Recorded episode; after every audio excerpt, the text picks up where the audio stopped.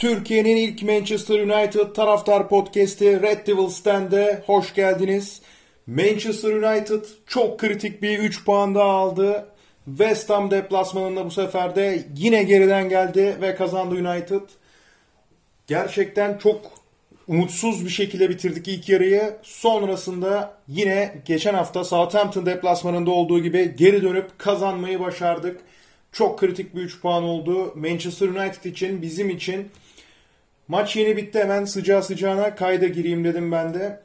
Çünkü çok önemli bir galibiyet aldık ve hemen değerlendirmek istedim bu maçı. Hemen geçmek istiyorum. 11'lere bakalım. West Ham United 3-4-2-1 dizilişiyle çıktı sahaya. Kalede Fabianski vardı. Defans üçlüsü Creswell, Ogbonna ve Balbuena'ydı. Orta sahada Masuaku, Suçek, Rice ve Kufal yer aldı. En ileri hatta Fornals, Bowen ve Haller vardı West Ham United'da. Yedeklerine bakarsak Ben Rahma, Diop, Johnson, Lanzini, Noble, Randolph ve Snodgrass yer alıyordu. David Moyes'un 11'e ve yedekleri bu şekildeydi. Manchester United ise 4-2-3-1 ile başladık. 4-2-3-1 şöyle eğer geçen haftaki bölümü dinlediyseniz yani bu podcast'in e, ne kadar büyük bir referans olduğunu görebilirsiniz Solskjaer'e. Çünkü demiştim ben ilk defa bu sezon Solskjaer taraftarın memnun olabileceği bir 11 ile çıktı sahaya ama bu sefer de formasyonda e, bir yanlışlık yapmıştı. Southampton maçının ilk yarısında zaten onun sıkıntısını çekmiştik. Ama bu sefer doğru formasyonla çıktı. Olması gereken formasyonla çıktı. Benim geçen haftaki podcast'ta bahsettiğim gibi ancak şimdi de oyuncu tercihinde sıkıntılar yaptı. Yani hiçbir şeyi dört dörtlük yapamıyor bu adam. Şu ana kadar olduğu gibi. Zaten bunun ceremesini çekti bu maçtaki ilk yarıda da. Southampton maçının ilk yarısında olduğu gibi. Hemen anlatayım. Kalede Dean Henderson vardı. De Gea sakatlığı yüzünden yedeklerde de yoktu. Kadroya alınmadı. David De Gea. Defansta bildiğiniz gibi sol bek Alex Teres, defansın ortasında Megaer ve Lindelöf ikilisi. Sağ bekte Aaron Van Bissaka yer aldı. Orta sahada e, Pogba ve McTominay başladı. Sol tarafta Martial, sağ tarafta Greenwood, ortalarında Van de Beek, e, Bruno Fernandes'in yerine başladı Van de Beek 11'de. En ileri uçta da Edinson Cavani vardı. Southampton maçının kahramanı. Bu 11 ile başladık. E, yedekleri de söyleyelim hemen. Bruno Fernandes, Lee Grant, Juan Mata, Nemanja Matic, Marcus Rashford, Tuan Zebe ve Brandon Williams yer alıyordu. Bizim 11'imiz de bu şekildeydi. Neden Rashford'la Bruno Fernandes 11 başlamadı? Aslında çok bariz neden 11 başlatmadı. Dinlenmeleri gerektiğini düşündü Solskjaer. Ancak şöyle bir şey var.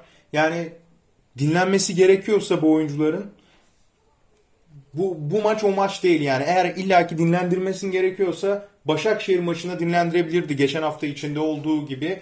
Yani o maçta dinlendirse daha isabetli olurdu. Zaten Başakşehir'in yani o maçı kazanacağını herhalde bütün dünya biliyordu. Çünkü bizim sahamızdaydı. Ve ilk maçta İstanbul'da oynanan maçtaki hata yapmayacağı da belliydi takımın. Yani o maçta bir dinlendirmeye gitse daha mantıklı olurdu. Ama şimdi West Ham United maçı çok kritik çünkü tam e, puan tablosunda kendimizi üst sıralara atmamız gereken maçlar bunlar. Yani bu maçları kazanarak üst sıralara attık attık. Diğer türlü yukarı çıkma şansımız olmayacak muhtemelen sezon boyunca. Ya da zorluk çekeceğiz çıkarken. Bu maçlar çok kritik ve böyle bir maçta Bruno Fernandes'i kesiyorsun. Takımın beynini kesiyorsun. Üstelik Juan Mata'yı da yedekte tutuyorsun. Takımda oyun kuran kimse yoktu. Yani aslında çok şaşırmadım ben ilk yarıdaki oyuna pozisyona giremedik. Ancak Alex Teres'in ileriye çıkıp kat etmesiyle oradan ortalar açarak ya da ikili oyunlar oynayarak fırsatlar yaratmaya çalıştık. Alex Teres ileri çıkınca da bu sefer sol tarafta çok fazla boşluk vermeye başladık. E Bowen da zaten çok atletik bir oyuncu, hızlı koşan bir oyuncu. Oradan zaten değerlendirdi birkaç fırsat buldu, pozisyon buldu Bowen. Hani West Ham'a da çok fırsat vermiş olduk böylece. Zaten çok baskılı başladı oyuna West Ham United. Yani çok büyük hata yaptı Soskayer. Bruno Fernandes. Yani Rashford tamam belki hani Martial var, Greenwood var, Cavani var. Hani gol ayaklarımız yine var. O yüzden Rashford'un başlamaması çok büyük etkilemedi takımı ama özellikle Bruno Fernandes'in başlamıyor olması çok büyük etkiledi. İlk yarıda bunun sıkıntısını çektik. Ama Solskjaer her zamanki gibi çok şanslıydı. Neden şanslıydı? West Ham United çok fazla fırsat buldu. Çok fazla gol pozisyonu buldu. Keza Haller'in bir pozisyonu vardı. Ee, United, West Ham United ilk golü bulduktan sonra yani Dean Henderson çalımladı geçti. Üstüne Maguire da çalımladı. Kaleyi tamamen boşalttı. Ama dengesini kaybedip topa vuramadı Haller. E böyle olunca West Ham United sadece bir gol üretebildi ilk yarıda. Bu da Solskjaer'in işine geldi. Daha doğrusu bizim de işimize geldi. Çünkü diğer türlü maçı çevirmesi çok zor olurdu. Keza Martial de sakatlandı. Gerçi Martial çok verimsiz oynuyor. Formsuz. Hani çok da bir beklentimiz yoktu Martial'den ama sonuç olarak bir gole ayağı eksilmiş oldu takımdan Martial'e sakatlanınca ikinci yarıda. Biz bir gol değil de eğer iki ya da üçüncü golü de yemiş olsaydık yani en iyi ihtimalle bir puan alabilirdik muhtemelen bu mücadeleden. Ancak çok şanslıydık ki sadece bir gol yedik ilk yarıda. Özellikle ikinci yarının ilk başı da dahil aslında bu ilk yarıya. İkinci yarının başında da öyle efektif başlayamadık. Keza birkaç fırsatta buldu West Ham United. Onun dışında e, West Ham United kendi sahasında oynadığı United yani bize karşı oynadığı son iki maçı kazanmış. Böyle bir istatistik var. Hani bunun da bir moraliyle maça başladı aslında West Ham United. Onun dışında zaten ilk yarıda biz hiçbir şey üretemeyince yani takımın kadrosunda yani genel olarak takımın kadrosunda zaten iki tane oyun kurabilen oyuncu var. Bruno Fernandes ve Juan Mata ikisi de yedekte oturunca bu West Ham United'ın inanılmaz işine geldi ve daha e, rahat oynadılar. Baskıları sonuç vermeye başladı. Topu ayaklarına aldılar. Zaten onlar baskıyla yapıp almasa biz kaptırıyorduk oyun kuramadığımız için. Bunun avantajını çok fazla e, kullandı. Darsu bunu avantaj haline getirip lehine çevirmeyi başardı West Ham United. Onun dışında Alex Teles dediğim gibi deminde çok fazla ileri çıktı Alex Teles. Yani Darsu çıkmak zorunda kaldı çünkü bir tek Alex Teles'in ortaları sayesinde pozisyona girebiliyorduk ki onlar da çok tehlikeli pozisyonlar olmadı neticede. Sadece ilk yarının sonunda Alex Teles'e Martial'in bir pozisyonu var. Martial plase vurdu yakın köşeye. Onda kaleci Force, e, Fabianski çıkardı. Yani Alex Teles bu sefer ileri gidince de gerisi çok boş kaldı. Maguire da hızlı bir oyuncu değil. Maguire bu sefer iki kişilik oynamaya başladı. Hem kendi bölgesinde hem Alex Teres'in tarafından gelen e, oyuncuları topları alıp kademeye girmeye çalışmaya girişti. Mecbur kaldı buna Harry Maguire. Böyle olunca da çok fazla açık verdik. West Ham United'ın işini kolaylaştırdık. Bu arada 38. dakikada biz gol yedik. 38. dakikada yediğimiz gol de yani tamamen duran toptan yediğimiz üçün yani iki haftada üç tane duran toptan gol yedik. İkisi korner, birisi free kick. WordPress free kick'ten atmıştı. Onun dışında kornerlerden yedik. Yani duran topta bir zafiyet olduğunu gösteriyor. Aslında adam paylaşamıyorlar bana göre. Hani benim görebildiğim kadarıyla adam paylaşamıyoruz. Yani herkesin kendi adımı doğru tutabilse yani tutması gerektiği adamı tutsa herkes sıkıntı olmayacak. Ama Lindelöf e, mesela atıyorum kendi kafasına belirliyor ama Maguire ona uymuyor. Maguire da Lindelöf'ün adamı tutmaya gidiyor mesela. Hani bu maçtaki pozisyon için söylemiyorum. Genel olarak söylüyorum. Hani bu tip hatalar olabiliyor. Bunun önüne geçmesi lazım takımın. Nasıl geçecek? Antrenmanlarda çalışarak. Umarız Solskjaer de bunların farkındadır. Tabii biz gol yedikten sonra bir e, konsantrasyon kaybı yaşadık. Demin de bahsettiğim Haller'in pozisyonu, boş kaleye kaçırdığı pozisyonla zaten yediğimiz golün hemen ardından gelişti. Orada çok şanslıydık. Sonrasında Aaron Van Bissaka'nın yaptığı bir hata var orta sahada ve geride hiç kimse yok. Topu kaptırdı Van Bissaka ama hızıyla koşu yetişti hem de Bowen'dan yani Bowen da hızlı bir oyuncu. Geçti yetişti ve hatasını telafi etti. Aaron Van Bissaka çok kritikti o da yine. Mesela orada da golü yiyebilirdik. 2-0 olabilirdi skor. Oradaki 2-0'dan dönmek 1-0'da dönmekten çok daha zor sonuçta. Devre arasında zaten herkesin beklediği gibi hani Soskayer değil kör birisi olsa, futboldan hiç anlamayan birisi olsa muhtemelen e, sokardı yani Bruno Fernandes ve Rashford'u. Zaten yedeklerde ikisi dışında başka öyle silah diyebileceğin oyuncu yok. Belki Juan Mata'yı sayabiliriz ama onun dışında gol atmaya yönelik oyuncular yok yedek kulübesinde. Ee, beklenen oldu. Bruno Fernandes oyuna girdi. Rashford oyuna girdi. Cavani ile Van de Beek çıktı. Van de Beek içinde şöyle bir parantez açalım. Van de Beek normalde hani beklentimiz çok yüksekti. Belki de biz çok yüksek tuttuk. Ya belki de Solskjaer sezonun başında bu çocuğu 11 oynatmayarak e, formunun düşmesini sağladı. Takım adaptesini zorlaştırdı belki de. Ama sonuç olarak şunu söyleyebiliriz. Van de Beek takımda kendini adapte edebilmiş değil. Takımı benimseyebilmiş değil anladığım kadarıyla. Çünkü çok fazla sıkıntı çekiyor. Geçen hafta Southampton maçında Bruno Fernandes'e çok fazla anlaşmazlık yaşadı. Bunun sebebi olarak 11 olarak süre 11'de süre alamamasını söylemiştim. Ama bu maçta da benzer sıkıntılar oldu. E, burada da takımın beyni yoktu dersek ama biraz da iş Van de Beek'e düşüyordu. Van de Beek üstlenmesi gerekiyordu. Onu da yapamadı Van de Beek. Hani tek başınaydı bu sefer. İpler de biraz onun elinde olması lazımdı ama yani Pogba çok kötüydü mesela maçta. Yine ilk yarıda özellikle çok kötüydü Pogba. Van de Beek ipleri eline alması lazımken işler Pogba'ya kalmış gibiydi. Van de Beek çünkü varlık gösteremedi. Oyuncu değişiklikleri de böyle oldu. İkinci araya da yine kötü başladık. West Ham hem e, baskılarına devam etti, prese devam etti. Hem de fırsatlar buldu. Tehlikeli de geldiler ancak sonuç alamadılar. E, daha sonrasında Bruno Fernandes ve Marcus, e, Marcus Rashford sayesinde pozisyonlar bulduk, fırsatlar bulduk. Zaten Rashford e, sonradan girdiği için daha dinçti, daha dinamikti. Kanattan da hızlı bir oyuncu olduğu için çok rahat bulduk zaten Rashford'da ve Bruno Fernandes çok kolay hissettirdi. Hani e, takımın ilk yarıda eksik olan yönü neydi onu çok kolay eksik e, hissettirdi.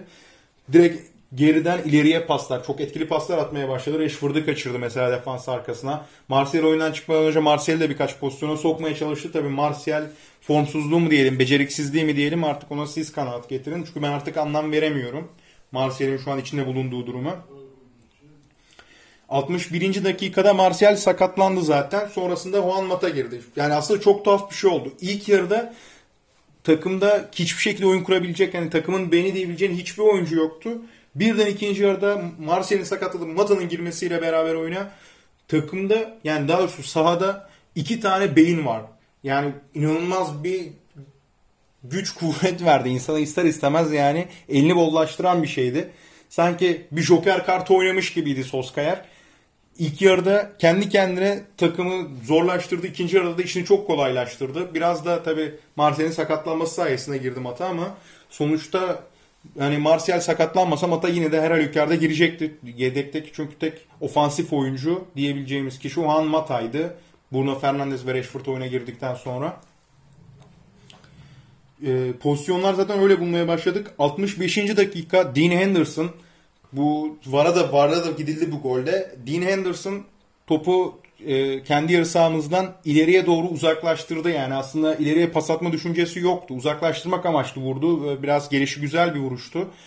Top tam havadayken David Moyes işaret ediyor. Daha pozisyon gelişmemişken David Moyes hakeme işaret ediyor. Top dışarıdan geldi diye ama bunu gerçekten ölçmesi, görmesi çok zor bir şey. Böyle bir teknoloji yoktur muhtemelen ki kimsenin aklına gelmemiştir. Ya böyle bir durum olursa nasıl bunu kontrol edebiliriz, bakabiliriz diye. Ben açıkçası şu ana kadar izlediğim maçlarda da ilk defa denk geldim böyle bir şeye. Yani VAR'a gidip ya da VAR'da oturan hakemlerin de bunu anlaması çok güç. Burada yapılabilecek en normal şey olağan akışına bırakmakta. Öyle de yaptı hakemler zaten. Henderson uzaklaştırdı topu. Sonrasında Bruno Fernandes de buluştu top. Bruno Fernandes tabii ki çok rahat bir şekilde en iyi yaptığı şey Topu aldı, kontrol etti. Sakin bir şekilde en boştaki oyuncu kim? Pogba. Pogba'nın önüne bıraktı. Pogba da gerçekten bu tek vuruşlarını ceza sahasının dışından yaptığı tek vuruşlarını çok özlemişiz Pogba'nın. O vuruşlarından birisini yaptı. Çok güzel plase. Sağ tarafa çok şık vurdu. Golü buldu. Pogba'nın için de çok iyi oldu. Bu gol takım için de iyi oldu. Pogba için iyi oldu. Zaten son dönemde özellikle bu sezon aşırı formsuz ve Arsenal maçı olsun, Tottenham maçı olsun penaltılara, gereksiz penaltılara sebep olmuştu. Bu golle biraz kendisi açısından moral olmuş oldu. Ayrıca takımın bu maç içinde bir anda ayağa kalkmasını sağladı. Hani olur ya takım içinde bazı pozisyonlar olur, goller olur, hareketler olur, takımı ateşler bir anda. Bu gol o goldü. Takım bir anda ateşlendi. Zaten ne olduysa 65 ile 80. dakikalar arasında oldu. O 15 dakikalık süreçte maçın geri kalanında yapamadığımız her şeyi bir anda yapabilmeye başladı takım. Bambaşka bir takım oldu. Yani farklı bir Manchester United izledik o 15 dakikada bu gol sayesinde belki de takımı ayağa kaldırdı diyebiliriz.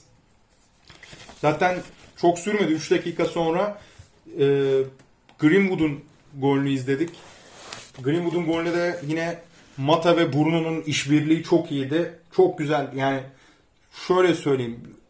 Bruno Fernandes'in bana göre oyun kurmasından sonraki en iyi özelliği soğukkanlı olması. Yani bu adam tamam çok güzel paslar atabiliyor. Çok güzel e, görebiliyor kim boşta, kim nerede, kim nereye hareketlenecek, kim hangi durumda topu önüne alabilir. Bunları çok güzel çalışıyor gibi yani sanki ders çalışıyormuş gibi bu adamların her şeyini biliyor maç içinde. Antrenmanlarda belli ki çok fazla dikkat ediyor kimin nasıl oynadığına. Tamam buralar tamam ama Bruno Fernandes çok soğukkanlı davranıyor. Bu da yani topu kaptırsa bile sonrasında bir oyundan düşmesini sağlamıyor yani. Ne yaptığını çok iyi biliyor. Ayağını yere sağlam basıyor ve bu sayede topu kaptırma ihtimalini de düşürüyor yani. Daha e, alt seviyelere çekiyor bu ihtimali. Yine bu golde yani attığımız ikinci golde de gördük. Greenwood bitirdi. 68. dakikada 2-1 yaptık. Çok hızlı bir şekilde bir anda öne geçtik zaten. Yani dediğim gibi Pogba'nın o golü ateşledi takım bir anda ayağa kalktı. Şahlandı yani. Orada ikinci golü bulduk. Dakika 72'de zaten e, Rashford'un bir, bir pozisyonu var. Direğe çarptı top. Bruno Fernandes mükemmel bir ara pas attı yine. Çok güzel gördü Marcus Rashford'ı. Rashford aldı önüne geldi. Sağ ayağıyla bıraktı uzak köşeye ama direkten döndü top. Zaten orada sinyali aldık hani 3. golünde geleceğinin. Yani döndük zaten maçı çevirdik ama 3. golünde geleceği belliydi. Keza 78. dakikada bu sefer Mata'nın pasıyla Rashford güzel de bir aşırtma vuruşuyla golü buldu ve 3. golü bulmuş olduk.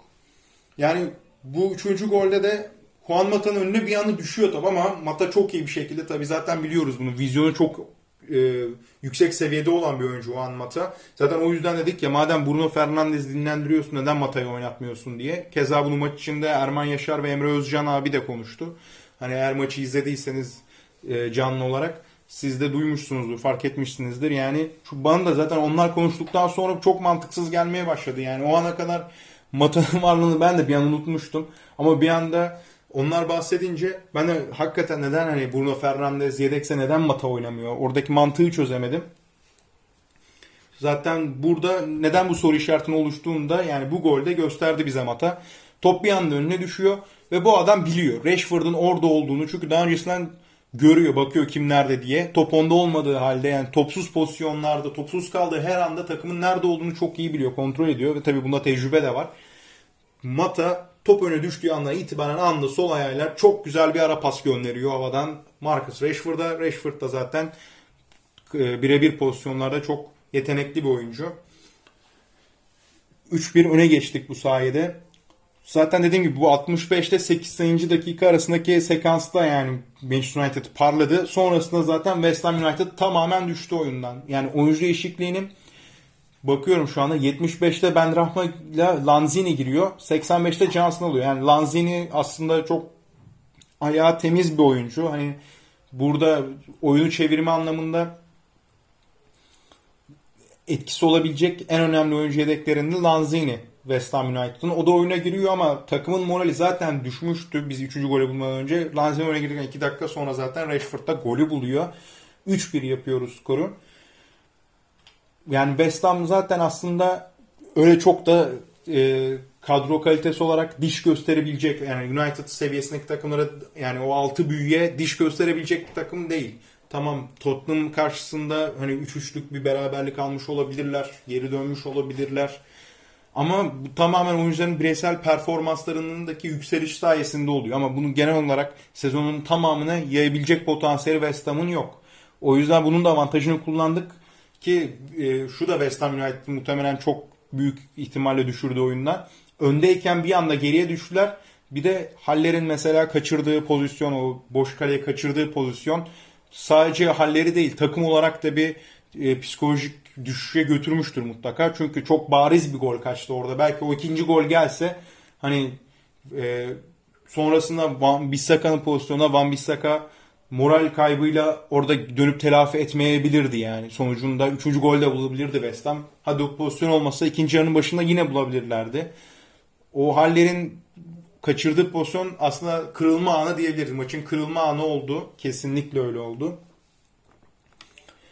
83. dakikada Dean Henderson'ın kurtardığı bir free kick var. Gerçekten aslında kapattığı köşeye geldi şut ama e, şut ilk çekildiği anda bir iki adım uzak köşeye doğru adımlıyor Dean Henderson ama ona rağmen bir anda tersine uçup kurtarıyor. Bu aklıma şeye getirdi benim. Kadıköy'de oynanan Galatasaray'ın 3-1 kazandığı maçı Muslera'nın kurtardığı frikik yanlış hatırlamıyorsam Mehmet Ekici vurmuştu. Yani aynı oradaki gibi Mustara da sağ tarafına doğru Darsu kapatmadığı köşeye doğru adımlıyor. Sonrasında bir anda kapattığı köşe tekrar ani bir refleksle uçuyor. Dean Anderson da aynı o şekilde kurtardı. Tabii Mustara'nınki daha zordu.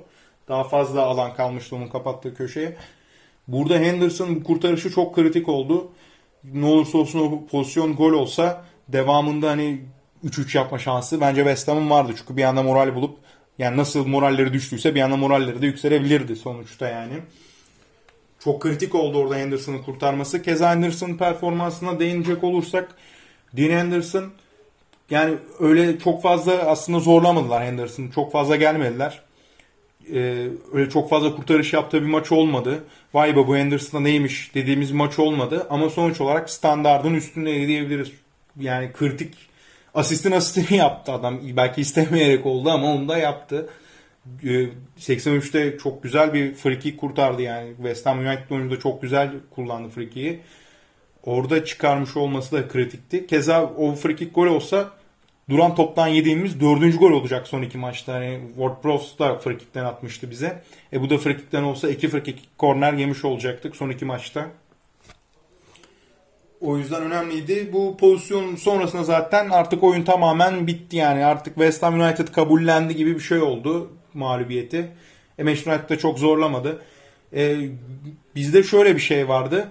Hafta içi Şampiyonlar Ligi oynadığımız için takımda ekstra bir yorgunluk oluyor. Avrupa'da oynamayan takımlara göre ligde.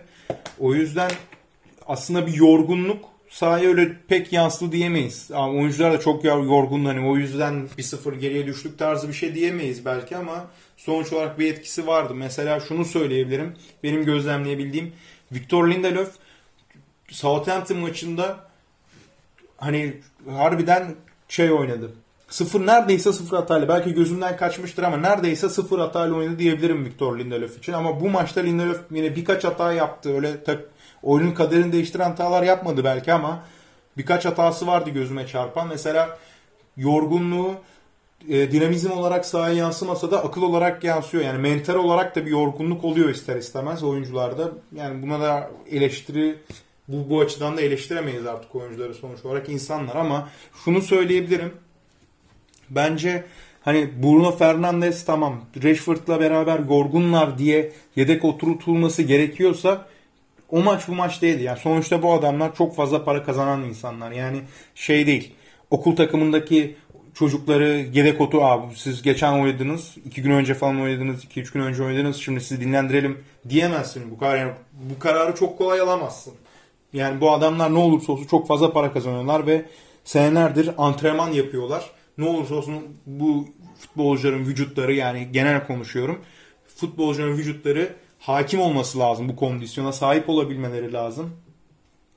O yüzden dediğim gibi illaki bir maçta dinlendirmek istiyorsan bu oyuncuları gideceksin e, Başakşehir maçına dinlendireceksin. West Ham United maçında dinlendirmeyeceksin. Yani Başakşehir maçını zaten alacağımız belliydi. Keza çok da rahat kazandık Başakşehir maçını.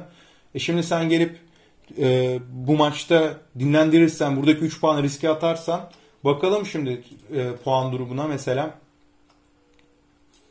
Yani puan durumunda saat 4 dakika var mesela. 4 dakika sonra Chelsea Leeds United'la oynayacak. Chelsea bizim önümüzde üstümüzde olan bir takım. Leeds United'da e, bu yani bizim oynadığımız maçtan önce 2 puan arkamızdaydı. Şimdi 5 e, puan arkamızda ama sonuç olarak Leeds United kazansa, Chelsea kazansa bizim için riskli. Yani iki takımla ilgilendiriyor bizi. Bu maçın beraber etmesi lazım. Keza ne oldu? Bugün Everton'un maçı vardı. Everton berabere kaldı. Manchester City mesela kazandı. Fulham'la oynadığı maçı Manchester City kazandı. Biz şimdi onların bir puan tekrar önündeyiz ama hani sen bu maçta Bruno Fernandes oynatmadığın için kaybediyor olsaydın açıkçası zaten oklar senin üzerinde hani her an kovulmanı istiyor taraftar. E, böyle bir riski alman yanlıştı açıkçası Solskjaer açısından. Yani çok gereksiz bir risk aldığını düşünüyorum. Onun dışında puan durumuna gelmişken bir bakalım. West Ham United bu arada bizim üstümüzde olan bir takımdı bu maçtan önce. Artık değil. 2 puan arkamıza düşürdük. Yani o anlamda çok önemliydi. Ee, Manchester City kazandı. Ama Manchester City ile biz haftaya oynayacağız. Mesela Manchester City ile oynamadan önce bir mağlubiyet almış olmak çok kötü olur. Mesela biz kaybetmiş olsaydık şu an City ile aramızda 2 puan olacak. Haftaya da yani umarım öyle bir şey gerçekleşmez ama eğer Manchester City'ye kaybedersek bir anda Manchester City'de de 5 puan fark yiyip ilk 4'ten direkt uzaklaşmış olacaktık. Şimdi 4. sıraya 4. sırada olma şansımız var ileriki haftalarda. Bu şansı kaybetmiş olacaktık West Ham maçını kaybetseydik. Çok kritikti. Şimdi Manchester City maçına da e, en azından moral olarak daha dinç bir şekilde çıkacağız. En azından öyle olacaktır herhalde yani. Öyle olmasını bekliyorum. Onun dışında yarınki e, maçlara bakarsak Sheffield United Leicester maçı var. Leicester çok kritik bizim için önemli çünkü 5. sırada. Şimdi mesela Sheffield United sezonun en kötü takımı Burnley ile Burnley ve West Bromwich ile beraber. Hatta onlardan da daha kötü Sheffield. Muhtemelen Leicester kazanacak yani bu maçı. Leicester kazandığı takdirde 21 puanda olacak. Biz bu maçı kaybetmiş olsaydık bir anda 5 puan fark olacaktı mesela Leicester'la. Direkt üst sıralardan kopmamızı sağlayacak bir maçtı kaybetmemiz haline. Yani böyle bir maçta hadi Rashford'u dediğim gibi anlıyorum ama Bruno Fernandes'i bir de Mata ile beraber ikisini de birden yedekte bırakması çok yanlıştı Solskjaer'in. Yani hiç mi aklından geçmiyor bu senaryoları diye bazen düşünüyorum. Onun dışında daha da önemlisi Tottenham Arsenal maçı var. Mesela Arsenal zaten düşüyor ama mesela biz zaten Arsenal'e kaybetmişiz kendi sahamızda. Şimdi biz bu maçı kaybetsek Arsenal Tottenham'ı yense olabilir sonuçta futbol bu. Arsenal Tottenham'ı yense puanlarımız eşitlenecekti. Zaten kaybetmişsin hani. Çok kötü olacaktı bizim açımızdan. Şimdi Arsenal kazansa bile 3 puan arkamızda olmaya devam edecek. Tottenham da üst sıralarda. Yani biz şu anda 19 puandayız. Tottenham maçı eksiğiyle 21 puanda. Puan farkı 2. Arsenal şimdi mesela kazanması artık çok bizim için bir şey ifade etmiyor. Yine 3 puan gerimizde olacak kazandığı takdirde ama Tottenham'la mesela aramızdaki puan farkı bizim maç eksiğimiz olmasına rağmen 2 olacak. Sonuçta bizim Aston Villa ile oynamadığımız bir maçımız var. Yani her anlamda çok önemli bir e, galibiyeti aldık. Onun dışında Liverpool-Wolverhampton maçı var. Liverpool yine aynı puanda şu anda Tottenham'da. Wolverhampton mesela üstüne çıktık şu an Wolverhampton'ın. Bu maçı kaybet, kaybetmiş olsak Wolverhampton'ın olan puan farkı bir anda 4'e çıkacaktı. Yani maç eksiği olmamıza rağmen şu an üst sıralarda oluyor oluşumuz çok önemli Manchester için. Umarım bunu gelecek haftalarda lehimize kullanmaya devam ederiz. Yani mesela illa da bir maç kaybedeceksek bu maç en azından hani bu lüksümüzü Manchester City'ye karşı kullanalım en azından. Hani West Ham'a West Ham'a kaybetmiş olmayalım. Şimdi hem West Ham'a hem Manchester City'ye kaybetmek mi yoksa West Ham'a yenip Manchester City'ye yenilmek mi? Tabii ki City'ye yenilmek dersin burada. Tabii ki hani burada yanlış anlaşılmasın. City'ye yenilsek de olur demek istemiyorum ama sonuçta ona göre senaryo çizim, ona göre hareket etmemiz lazım. Burada Bruno Fernandes'i yedek bırakma riski asıl mevzu bahis. Brighton Southampton maçı var. Mesela yine Southampton'da bizi ilgilendiren takımlardan birisi. Dediğim gibi çok önemliydi.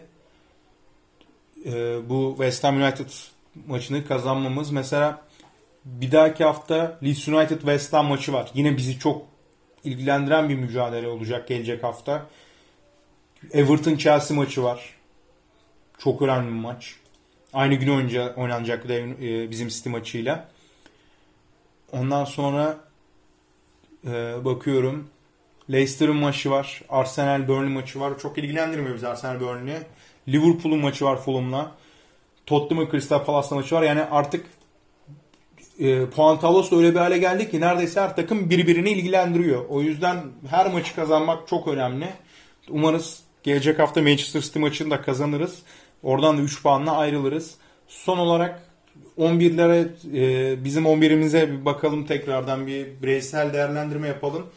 Dean Anderson yani geçerli puanı aldı diyebiliriz. Muhtemelen her taraftar gönlünü kazanacak bir oyun koydu ortaya diyebiliriz. En azından umut vadeden bir e, oyundu. Ya zaten şunu biliyoruz. Anderson yetenekli. Geçen sezon Sheffield United forması altında sergilediği performans da ortada. Hani o yüzden Dean Henderson açısından gayet olumlu geçti maç. Alex Teles tamam Alex Teles e, çok etkili oluyor ileride ama bu maçta zaten defansta kötü olduğunu bildiğimiz Alex Teles'e üzerinden sadece oyun kurmaya çalışmak, pozisyon bulmaya çalışmak daha doğrusu biraz da mecbur kaldığımız bir şeydi. O yüzden Alex Telles'i eleştirmek istemiyorum bu maçta. Yani Mata yok, Bruno Fernandes yok, Rashford da yok. Alex Telles'in üstüne kaldı her şey zaten. Çünkü ayağı temiz oyuncu. Pogba'nın formsuz olduğunu düşünürsek bir tek Alex Telles vardı. Yani mecburen Alex Telles'in ortalarına baktı ilk yarıda bütün iş. O yüzden geride de çok açık verdi. Megayir'la yani Megayir'da sadece Megayir'da aslında Alex Telles ileri çıkıyor diye sol tarafa sürekli kaymak zorunda kaldı. O yüzden oradaki boşluğu kapatayım derken kendi tarafından boşluklar verdi. Hallere fırsat yarat, yaratmasına sebep oldu aslında ama yine de Megayir'i eleştiremeyiz burada.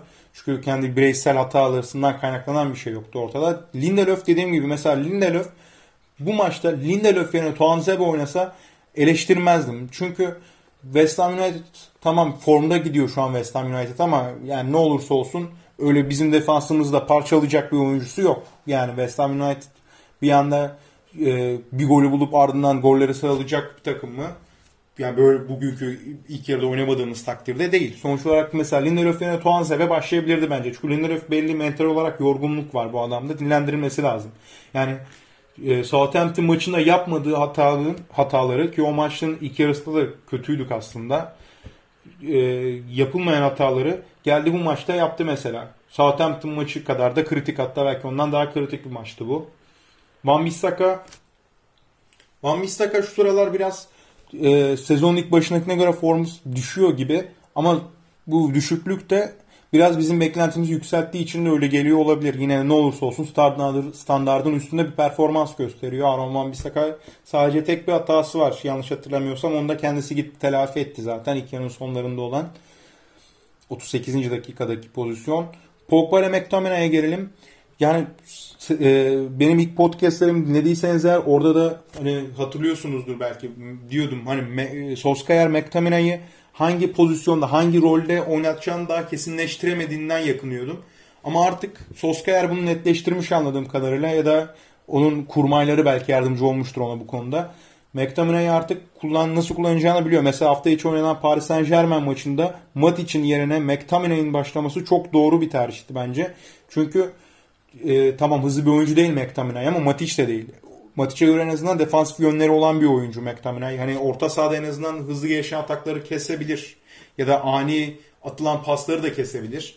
Araya kaçan adamları tutabilir. Hani McTominay en azından birkaç böyle ekstra özelliği olan bir oyuncu Matic'e göre defansif anlamda. O yüzden e, mesela PSG maçındaki tercihiyle bu maçtaki tercihi biraz farklıydı. Tamam PSG maçında defansif anlamda yapılan bir tercih McTominay ama bu maçta kullandığı rol de bence doğruydu. Çünkü Van de Beek zaten ofansif bir oyuncu. Pogba orta sahanın ortasında oynayan bir oyuncu ama eski box to box özelliğini yapamıyor artık.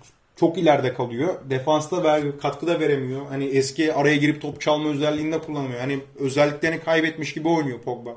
Zaten bunu Arsenal ve Tottenham maçına yaptığı penaltılardan da görebiliyoruz. Normalde o kadar kolay kolay penaltılara sebep olan bir oyuncu değil Paul Pogba.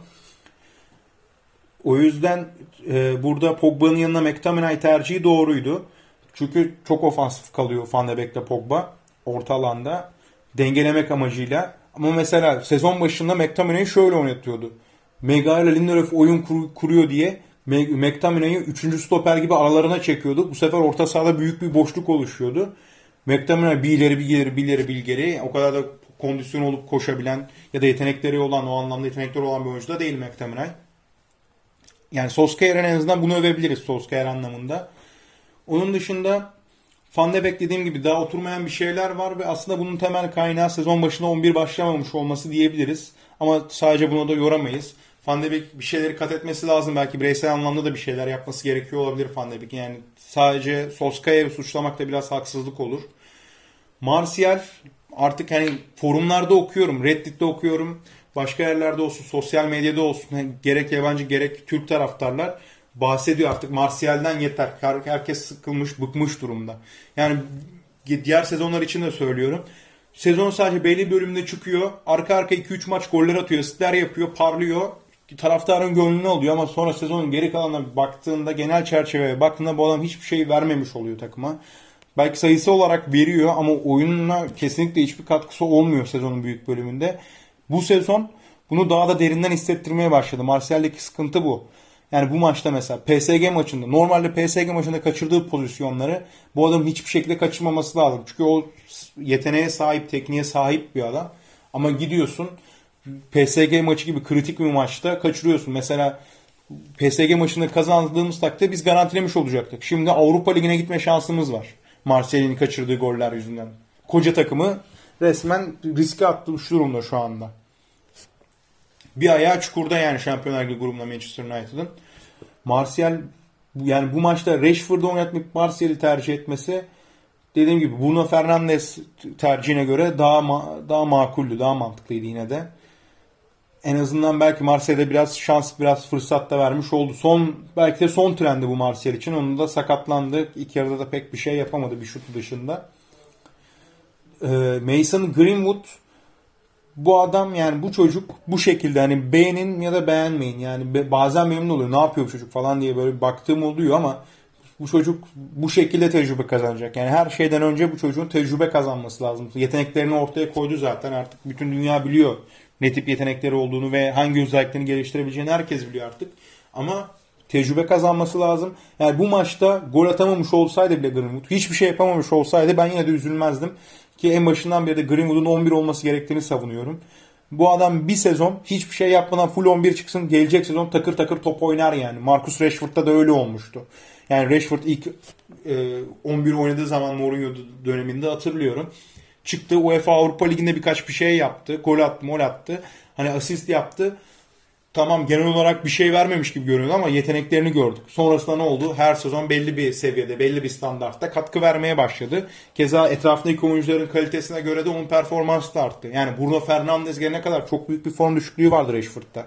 Hatta insanların akıllarına soru işareti bir daha oluşturmuştu yani. Ama Bruno Fernandes geldikten sonra Rashford'un oyunu 180 derece değişti bir anda. Yani o yüzden Greenwood'a böyle şans vermeye devam etmemiz lazım. Keza Bruno Fernandes takım arkadaşı olduğu sürece de kendini geliştireceğine inanıyorum. Edinson Cavani açısından pek bir şeylik yoktu bu maçta. Çünkü zaten fırsat bulamadık, oyun kuramadık, atak yapamadık. O yüzden Cavani için ne diyebileceğim artı bir şey var, ne diyebileceğim eksi bir şey var. Genel olarak böyleydi. Son kez şunu söyleyeyim. Gelecek hafta Manchester City ile oynayacağız. Old Trafford'da e, oynanacak mücadele. Aynen. Ee, saat 20.30'da oynanacak yine. Gelecek hafta bu maçı kazandığımız takdirde yani Old Trafford'da da uzun süredir kazanamıyoruz. Deplasmanda arka arkaya 9 maç kazandık. Yani şöyle söyleyeyim. Manchester United 10 maç yaptı e, bu sezon. Gelecek sezondaki deplasman maçlarıyla da beraber Manchester United deplasmanda arka arkaya 9 maç kazanmış durumda. Yani çok önemli bir e, moral veriyor takım ama artık Old Trafford'da da maç kazanmamız lazım yani ne olursa olsun taraftar da olmasa orası bizim mabedimiz yani. Çok kritik bir maç yani Manchester City maçıyla beraber bunu kırarız inşallah. Onun dışında son kez hatırlatayım Twitter adresimiz e, Devil Stand. Oradan takip edebilirsiniz. E, bölümleri ben kaydalıp paylaştıkça zaten sosyal medya üzerinden, Twitter üzerinden bunu da bildiriyorum. Oradan takip edip e, podcastlerimizde takipte kalabilirsiniz. Dinlediğiniz için teşekkür ederim. Bir dahaki Manchester United maçı sonrasında Red Devil Stand'de görüşmek üzere. Hoşçakalın.